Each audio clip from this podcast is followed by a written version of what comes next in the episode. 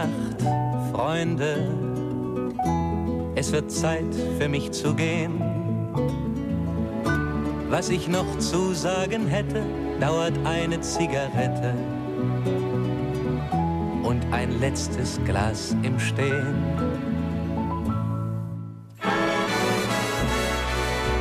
Dit is Het Beste uit het Oog. De wekelijkse podcast van NOS met het oog op morgen. Buiten is het 16 graden. Binnen zit Mieke van der Wij. Hartelijk welkom bij Het Beste uit het Oog. Er zijn weer heel wat gesprekken gevoerd de afgelopen week. Vier bijzondere hebben we voor u uitgekozen.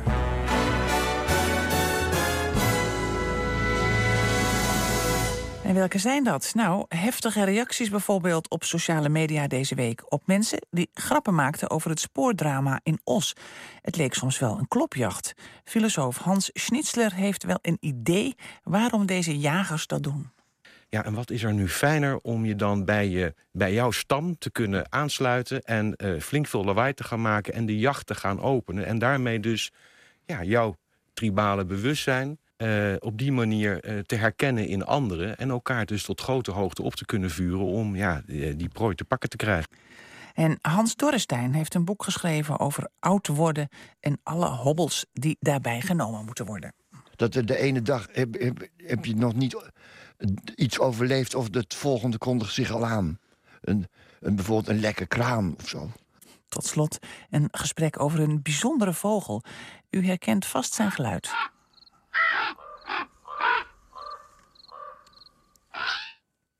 Ja. Euthanasie met een drankje had lange tijd een slechte naam. Maar dat is niet terecht. Patiënten hebben bijvoorbeeld steeds minder last van braakneigingen. Constance de Vries is huisarts in Münstergeleen... en werkt voor de Levenseindekliniek. Koen Verbraak vroeg haar hoe vaak ze met euthanasie te maken heeft. Ja, als huisarts heb je daar niet zo vaak mee te maken. Maar als je bij de levenseindekliniek bent, heb je daar wel vaak mee te maken, ja. En hoe vaak is vaak in uw geval? In mijn situatie is dat ongeveer 20 keer per jaar. En wie begint er dan over de methode? U of de patiënt? En als je overeenstemming hebt bereikt over uh, dat een euthanasie kan gaan plaatsvinden... dan uh, vertel je dat voordat de patiënt er eigenlijk over begint. Een enkeling zegt dat helemaal aan het begin... maar eigenlijk starten wij dat, dat gesprek, ja. En, en wat zegt u dan? Dan leg ik um, heel duidelijk uit dat er twee manieren zijn. Mm -hmm.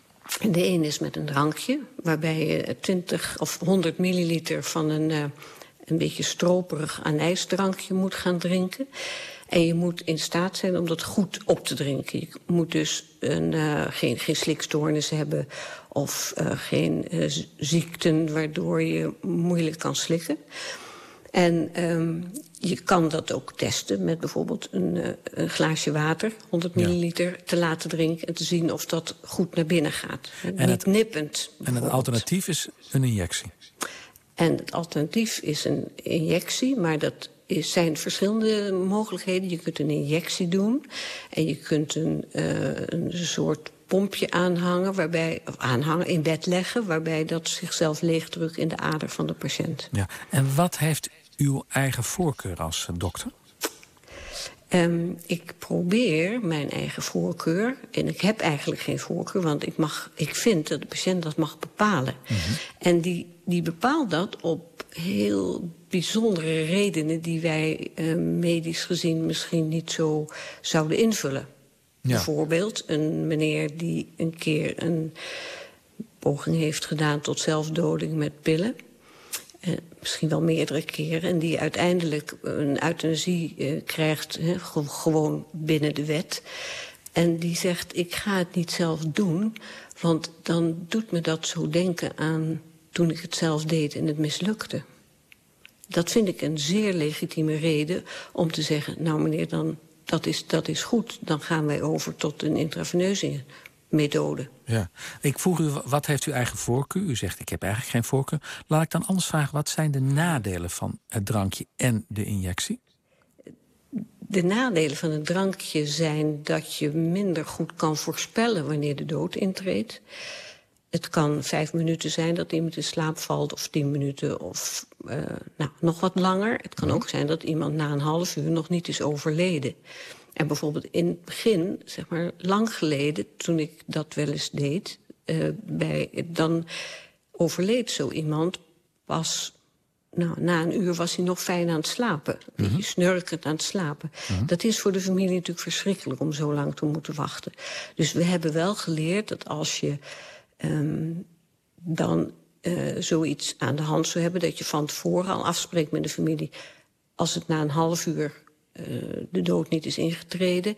dan zal ik toch met de injectie uh, dat bespoedigen. Ja. En Want de injectie is hetzelfde spul. In, ja. in, principe, ik werk met hetzelfde middel. Het ene is een, een, een narcosemiddel... en het andere is gewoon een heel sterk ouderwets slaapmiddel, pentobarbital. Ja, en er zijn natuurlijk ook mensen die, die zeggen... ik wil eerst nog een, nog een glas champagne drinken, of een biertje. Ja. Kan ja. dat ook als je voor dat drankje kiest? Um, ja, dat kan. Je, hebt, je krijgt voor, als je dat drankje krijgt, ga je eerst uh, drie keer uh, van tevoren in 24 uur krijg je een pilletje tegen de misselijkheid. En ook een pilletje, datzelfde pilletje maakt dat je maag sneller ontledigt. Dus dat dat drankje sneller naar binnen ja, je darmstelsel inkomt. Mm -hmm. um, als je gaat drinken, dan heb je natuurlijk wel meer risico dat je, uh, dat je gaat braken. Ik, zal het ze niet af, ik zal het ze niet afraden. Want als iemand per se een glaasje champagne... of zoals ik wel eens mee heb gemaakt, een glaasje whisky... Voor, voor het inslapen wil drinken... dan denk ik, ja, dat moet kunnen. Dat, dat moeten we maar handelen dan.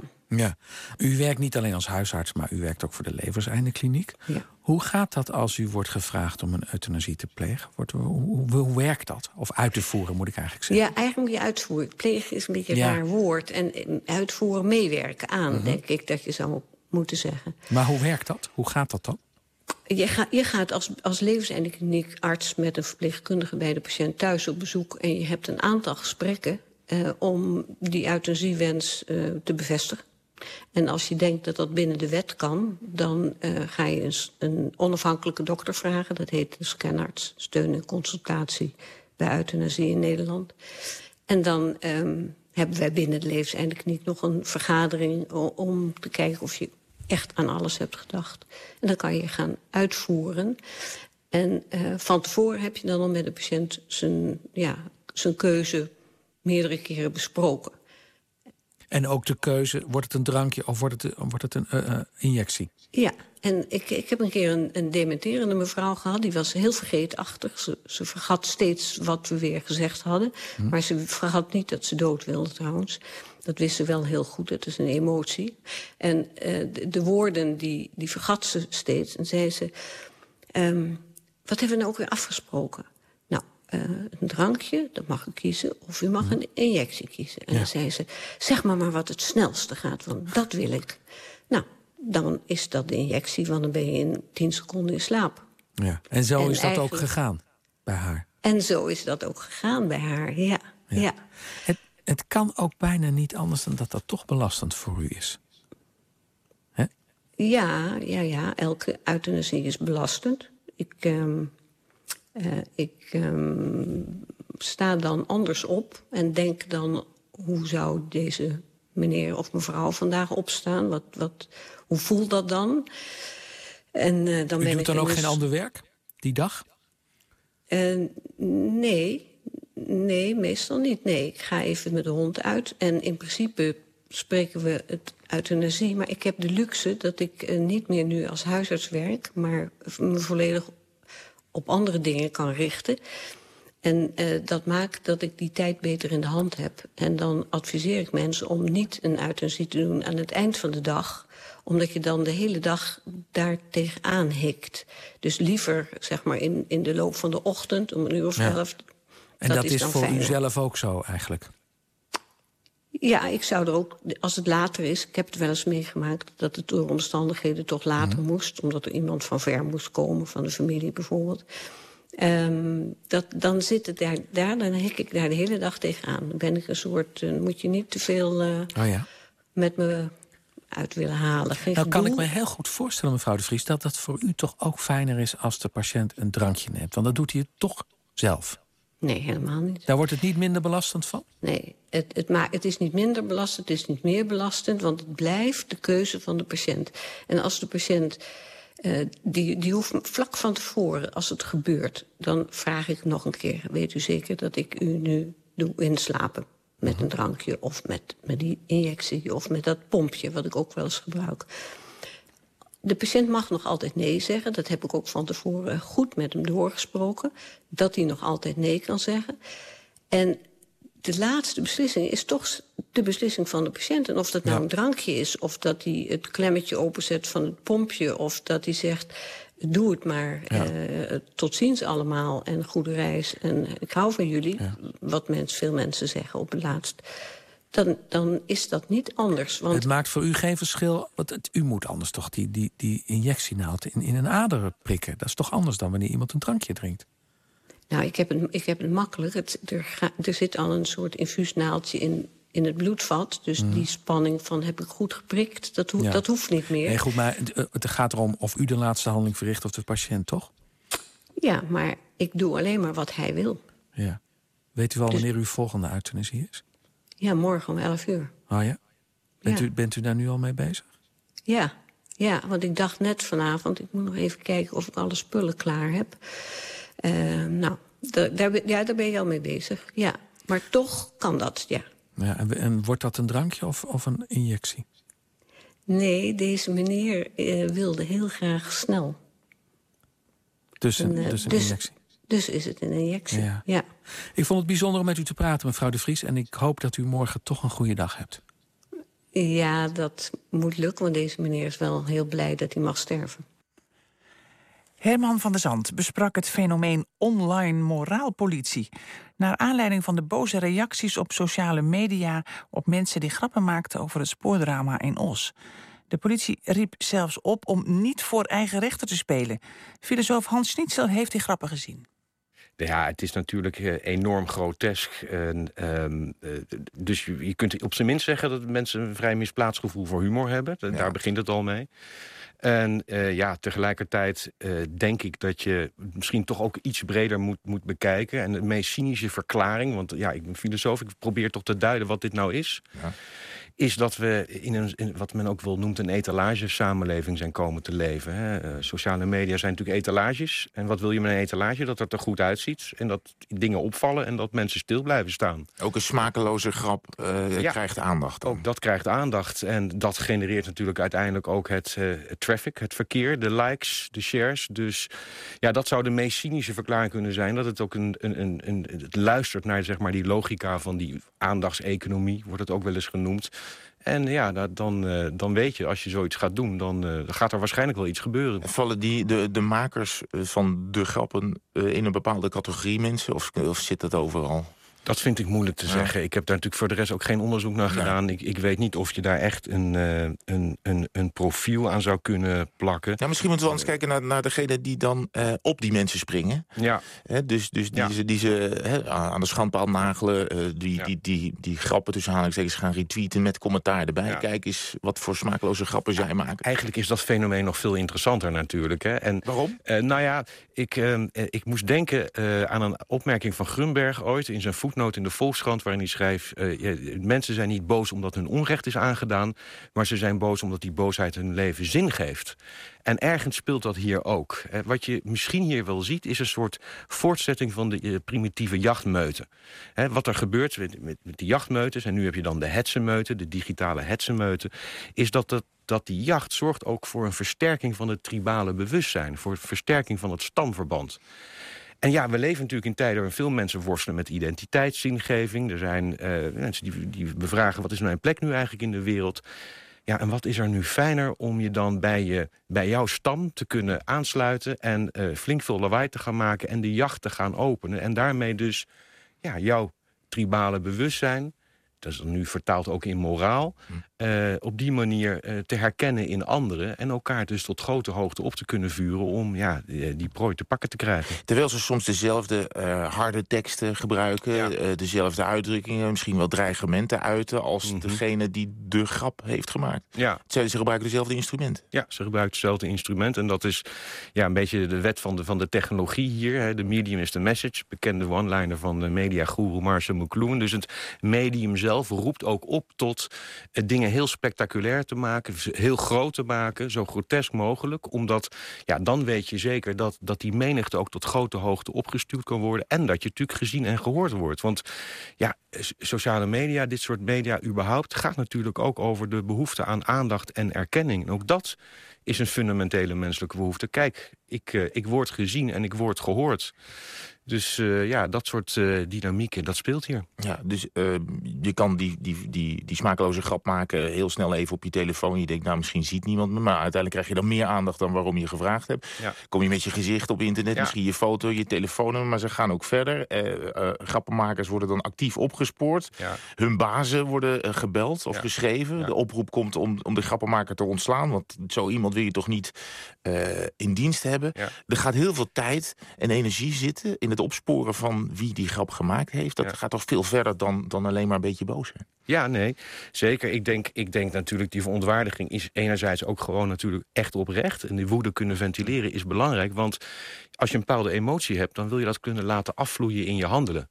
Dus je wilt iets gaan doen. Hè. Wanneer die boosheid zich in je vastzet, ja, dat is heel frustrerend. Dus ja, dat, dat loont dan wel om daar een bepaalde inspanning voor te verrichten. Vroeger moest je misschien naar buiten om eh, iemand op te zoeken werkelijk. Nou ja, goed, misschien gebeurt dat hier ook. En nu kun je natuurlijk via het net eh, ja, die boosheid laten afvloeien in die handelingen. En tegelijkertijd, wat je natuurlijk ook wel vaak ziet... is dat veel mensen toch ook schrikken van eh, de effecten die het genereert. En ja, wat je hier ziet, is dat eigenlijk er een verwarring is... tussen wat je privé normaal gesproken kan doen... De opmerkingen die je kunt maken of je boosheid ventileren... op een ongefilterde manier. Dat hoort bij het privédomein. Dat is het domein waar dat soort ongefilterde emoties... en de onmiddellijke behoeftevereniging thuis hoort. En daar gaat natuurlijk een suggestie ook vanuit... zeker als je thuis met je smartphone bezig bent of achter je laptop... ik doe dit vanuit mijn privédomein. Maar ja, je betreedt natuurlijk toch ook een publiek domein... waar eh, echte mensen wonen en waar een, een echte fysieke realiteit ervoor zorgt dat het heel erg eh, ingrijpend kan zijn in die levens van die mensen die misschien vreselijke dingen hebben gezegd of misplaatste grappen. En dat wordt volgens mij vaak ook wel onderschat. En dat te maken met die afstand tussen virtueel en reëel.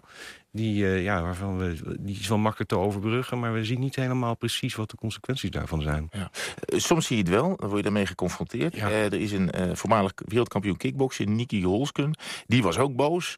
Hij heeft namen van, van de, de, de grappenmakers, zal ik maar zeggen, online ge- gezet. Daar, daar komt natuurlijk allerlei reacties weer op af. Hij heeft die namen weer weggehaald. RTL Boulevard belde hem en toen zei hij daar dit over. Ik heb er niet echt, eh, dat ik moet zeggen, eh, spijt ervan.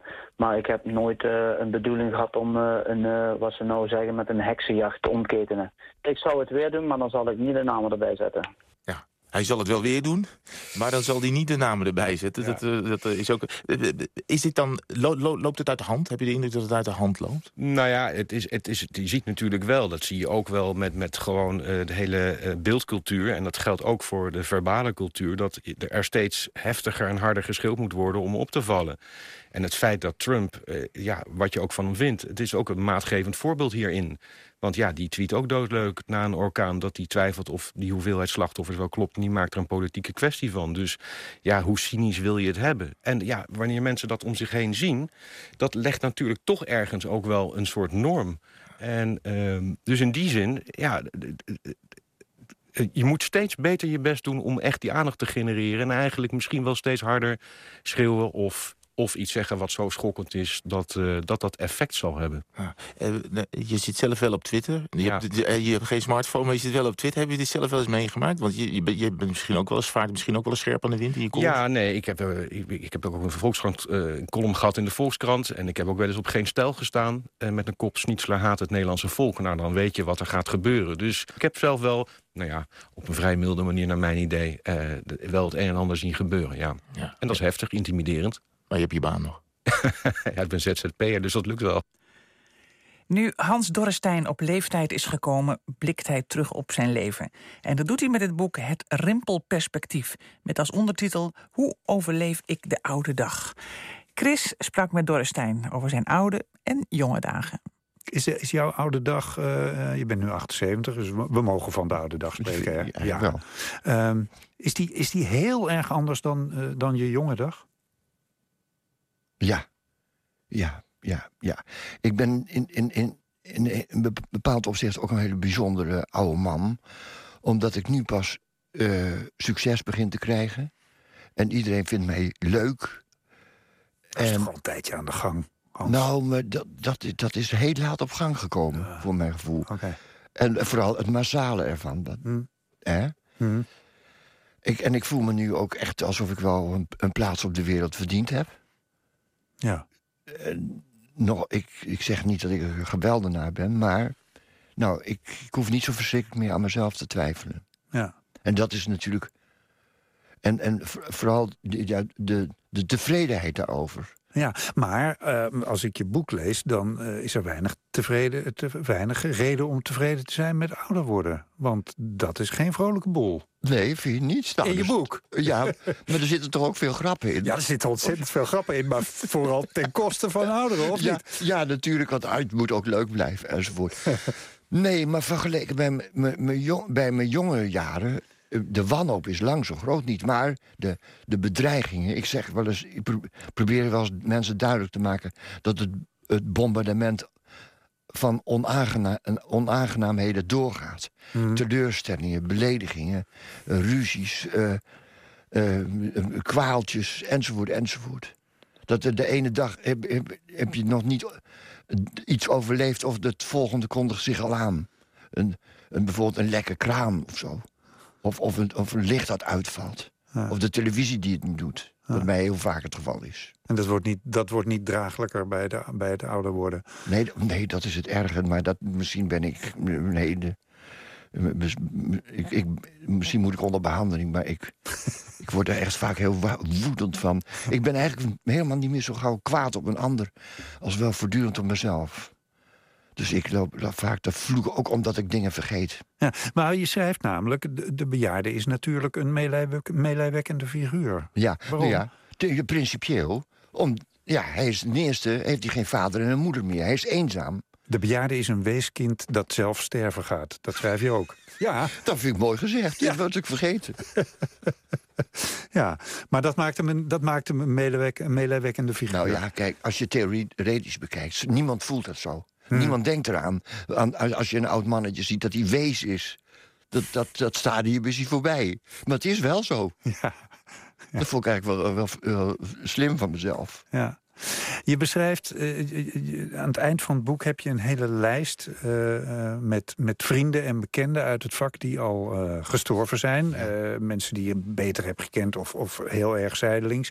Maar ook van de mensen die je beter hebt gekend zeg je dat je om eigenlijk geen van die doden moest huilen. Hoewel je verder om, om werkelijk dit in tranen uit kan barsten. Behalve om de dood van Joost Zwageman. Waarom om hem wel? Geen, nou, ik, ik wou me zeggen geen idee. Maar later be- ben ik gaan denken. Ik zeg toch op een gegeven moment in dat verhaal iets wat ik voelde altijd. Ik zei het bij de begrafenis notabene van Harry Moedisch. Kwam ik hem tegen. En ik weet niet hoe het te sprake kwam. Toen zei ik ja, eh, dat ik van hem hield omdat hij zo op mijn, mijn echte vader leek. En ongeveer zo'n kop.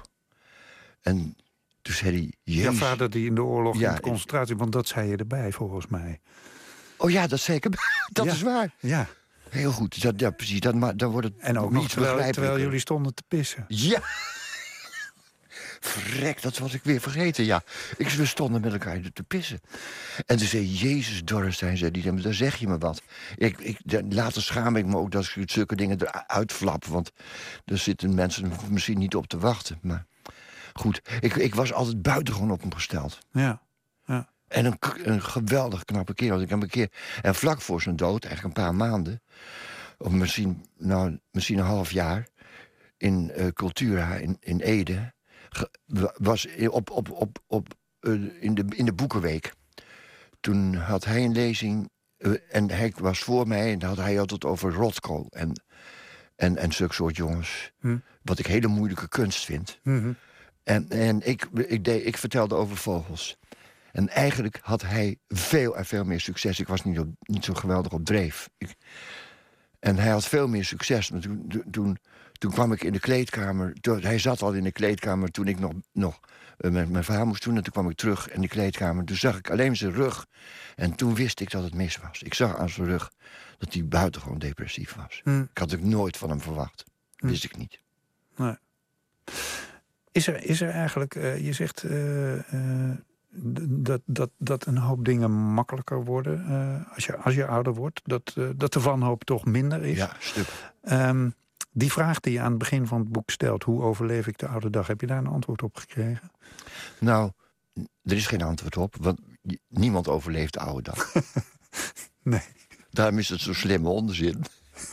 Het is onzin eigenlijk. Ja. Maar, nou ja, toch er zijn veel meer momenten eh, dat, dat, je, ja, dat je erbij neerlegt zo, dat het zo gaat. Maar aan de andere kant heb ik ook gewoon slimme trucs. Eh, bijvoorbeeld het gevoel hebben dat eh, ja, als iemand dood is, dat ik hem nog een keer zal zien of haar.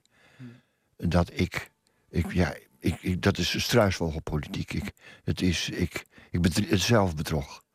Ik heb het gevoel dat het maar tijdelijk is, de dood. Tja, de dood tijdelijk, maar zo kun je er ook naar kijken. In ieder geval ligt het boek Het Rimpelperspectief van Hans Dorrestein nu in de winkel. En ik ontving de Vlaamse bioloog Louis Bijens, die een studie heeft geschreven over de raaf. Hij kwam voor het eerst met deze zwarte vogel in aanraking toen hij voor onderzoek alleen in Groenland was. Plots krijg ik het gevoel dat iemand naar mij kijkt. Je kan dat gevoel soms hebben, dat iemand kijkt naar mij. En ik draai me om en ik zie zo tien meter achter mij op een rotsblok een raaf zitten. En we kijken naar elkaar. Ik werk verder. En de volgende dag ben ik daar op diezelfde plaats terug en komt die raaf ook terug. En ik vond het een zo'n bijzondere ontmoeting. Je bent ook wel gans alleen. Hè? Je hebt geen afleiding, je bent aan het werk. Er staan geen bomen, er staan geen vliegtu- eh, vliegen geen vliegtuigen rond. Er is niks anders dan dat landschap en jij en die raaf. En dan had ik zo het gevoel, ja, die raaf die, die betekent iets voor mij. Vond u hem eng? Nee, helemaal niet. Want een raaf wordt wel vaak eh, geassocieerd met iets naargeestigs. Dreigend gevaar, de dood. Bij een galg zie je een raaf, hij brengt onheil. Ja, ja, maar dat is natuurlijk de grote dualiteit van die raaf die hier speelt. Ik wil daarmee zeggen, eh, u zegt een raaf is eng, maar langs de andere kant... Nee, ik vroeg of die eng was. Ik heb niet gezegd dat Ah. hij eng was. Ah, goed, dat is een groot verschil. Ja. Eh, nee, nee, helemaal niet. Nee. En de raaf wordt inderdaad geassocieerd met dood en met nare dingen allemaal. Maar langs de andere kant eh, wordt hij ook geassocieerd door heel wat culturen met, eh, met, iets, eh, met een vogel die een boodschapper is, met een vogel die hoop brengt en boodschappen uit een andere wereld. En dat vinden we reeds terug van zo gauw we iets weten over culturen in alle werelddelen waar de raaf voorkomt en ook uit alle tijden. Hoe verklaart u dat? Wel, dat dat juist die raaf is en niet een, een mus of een merel of, of, of een meerkoet. Omdat we beseffen, allemaal denk ik, dat zo'n raaf een intelligente vogel is. En daarvoor moeten we eventjes toch teruggaan naar de, laten we zeggen, naar de prehistorie om te beginnen. Dus eh, i- iedereen kent wel, denk ik wel, Lascaux, hè, de fameuze, de beroemde grot in de Dordogne.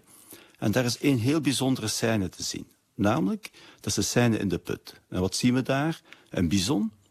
Uit die bison hangen de ingewanden, dus dat dier is echt wel dodelijk gekwetst. Eh, juist voor die bison staat er een man. Een man met een vogelkop. En die man is helemaal verstijfd. En ik bedoel echt helemaal. Heeft zelfs een erectie. Heel eigenaardig allemaal. En een van zijn handen en zijn arm bungelt naar beneden. En die wijst eigenlijk naar een stok. En op die stok zit een vogel. Nu, als je in veel archeologische literatuur gaat lezen en kijken, zie je dat daar meestal verwezen wordt naar een raaf. Nu, heel gezegd, ik zie daar niet meteen echt met zekerheid een raaf in, maar ik wil er wel graag geloven dat het een raaf is. En daar heb je natuurlijk meteen die connotatie met het element de dood, een andere wereld, het hiernamaals. En dat kunnen we zo verder gaan doortrekken als we bijvoorbeeld naar de Kelten gaan. En ik ga eventjes aan Danebury, dat is een Keltische site eh, in, eh, in Zuid-Engeland. Daar zijn heel wat eh, resten gevonden van keukenafval en ook van beenderen van dier die men gegeten heeft. Men heeft ook skeletten gevonden van raven, begraven in putten. Maar die ravenskeletten die vertoonden geen enkel snijspoor. Die botten waren ook niet gebroken. Dus die, zijn raaf erom- werd niet opgegeten. Die waren niet opgegeten. Mm. Dus er moet dus bijzondere reden geweest zijn dat die mensen die raven op die manier begroeven. Ja, en zo kom je dus in al die culturen kom je die raaf op die manier tegen. U zei net even, omdat mensen weten dat het een slim beest is. Heeft u daar een voorbeeld van, dat het zo slim is? Ja, er zijn heel wat experimenten mee gedaan. Hè, want dat is natuurlijk een, een heel moeilijk thema. In die zin, eh, we spreken dan over intelligentie. Wat, wat is dan intelligentie bijvoorbeeld? Hoe benader je dat? En vooral, hoe ga je dat testen bij dieren? Want dat is echt niet eenvoudig, want je moet dat eh, testen op het... Dat zeggen, naar, in, je moet die test plaatsen in de levenswereld van het dier. En niet in onze levenswereld. Dat is een groot verschil. Maar goed, eh, ik ga één test, een experiment noemen. Ja. En voordat het, eh, voor het digitale fototijdperk eh, hadden we filmrolletjes. En die zaten in van die kleine plastic doosjes. Die zijn heel handig, die doosjes, kan er van alles mee doen. Wel, eh, in het experiment werden zo'n aantal doosjes genomen. Elk van die, eh, die, en je kreeg drie verschillende kleuren. In een van die kleuren, een doosje met een bepaalde kleur, zat kaas. Raven eten graag kaas. En goed, de raven mochten kiezen. Er werden twee raven eh, losgelaten voor dat experiment, in die kooi. En die raven had wel op voorhand geleerd om het dekseltje open te peuteren van zo'n doosje. Ze hadden vlucht door in welke kleur een aanwijzing was. Kijk, in dit doosje zit hier die kaas. Maar goed, een van die raven was sneller dan die andere raaf. Die was meteen bij de, ene, eh, bij de doosjes met kaas, maar die andere raaf was dominanter, sterker. En zo gauw die ene eerste raaf bij het doosje was met de kaas, werd hij verdrongen en pikte de dominante raaf de kaas in. Nu, dat gebeurde maar één keer, want die, dat zeggen, de slimme raaf, hè, Ja. die had meteen door dat dat zo niet verder kon, want anders had hij geen kaas. Dus wat ging hij doen? Hij ging naar doosjes waarvan hij zeker wist dat er geen kaas in zat. En hij begon het dekseltje open te peuteren. En de dominante raaf komt natuurlijk af in de mening verkerende dat daar kaas in zit.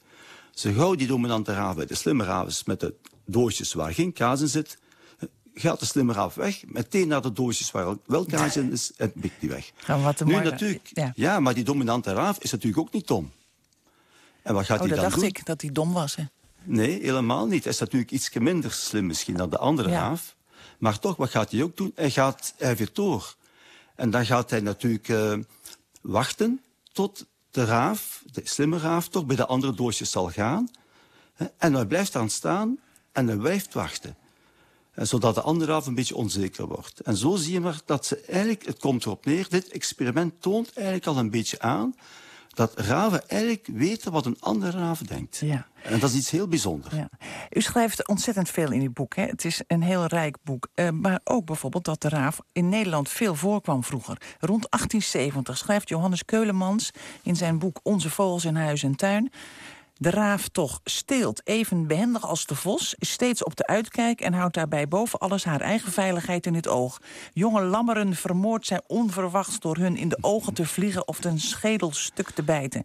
Menige jonge hond is door de raven weggevoerd. Kippen en haar kuikens, konijnen en hazen, ja zelfs huiskatten worden net slachtoffer van haar sterke snavel en haar welberekende aanvallen. Nou, denk ik, eh, klinkt niet heel erg eh, positief, hè? Ja, ik heb het uit uw boek, hoor. Ja. Ja, ja, uiteraard. Ja, maar je moet het allemaal bekijken in de, in de tijdsgeest dat men zoiets schrijft, uiteraard. Hè. En dat is misschien wel heel interessant u dat het aanhaalt. Waarom? Die perceptie van de raaf die wij hier hebben in de lage landen, laten we maar zeggen, of zelfs die grote deel van Europa, eh, dat is niet altijd zo geweest. En ik wil graag met u teruggaan naar de middeleeuwen. In die middeleeuwen daar waren geen eh, heel hygiënische plaatsen. En de raaf was daar een opruimer van al het afval. Dus die at dus de kadavers op en al het eh, vleesafval. En die zorgde voor een hygiënische ja, toets in, in, in, dat, in die heel vuile steden. En toen was het zelfs zo dat bijvoorbeeld in Engeland dat er een straf stond op het doden van een raaf. Juist omwille van die, van die dienstverlening die deze raaf eh, aan de gemeenschap bracht. Nou, weer wat geleerd. Wat heb ik toch een ontzettend leuk vak. Nou, we zijn aan het einde gekomen met deze slimme raven eh, van deze podcast. Maar volgende week dan is er weer een. Dag. Gute Nacht, Freunde. Es wird Zeit für mich zu gehen. Was ich noch zu sagen hätte, dauert eine Zigarette und ein letztes Glas im Stehen.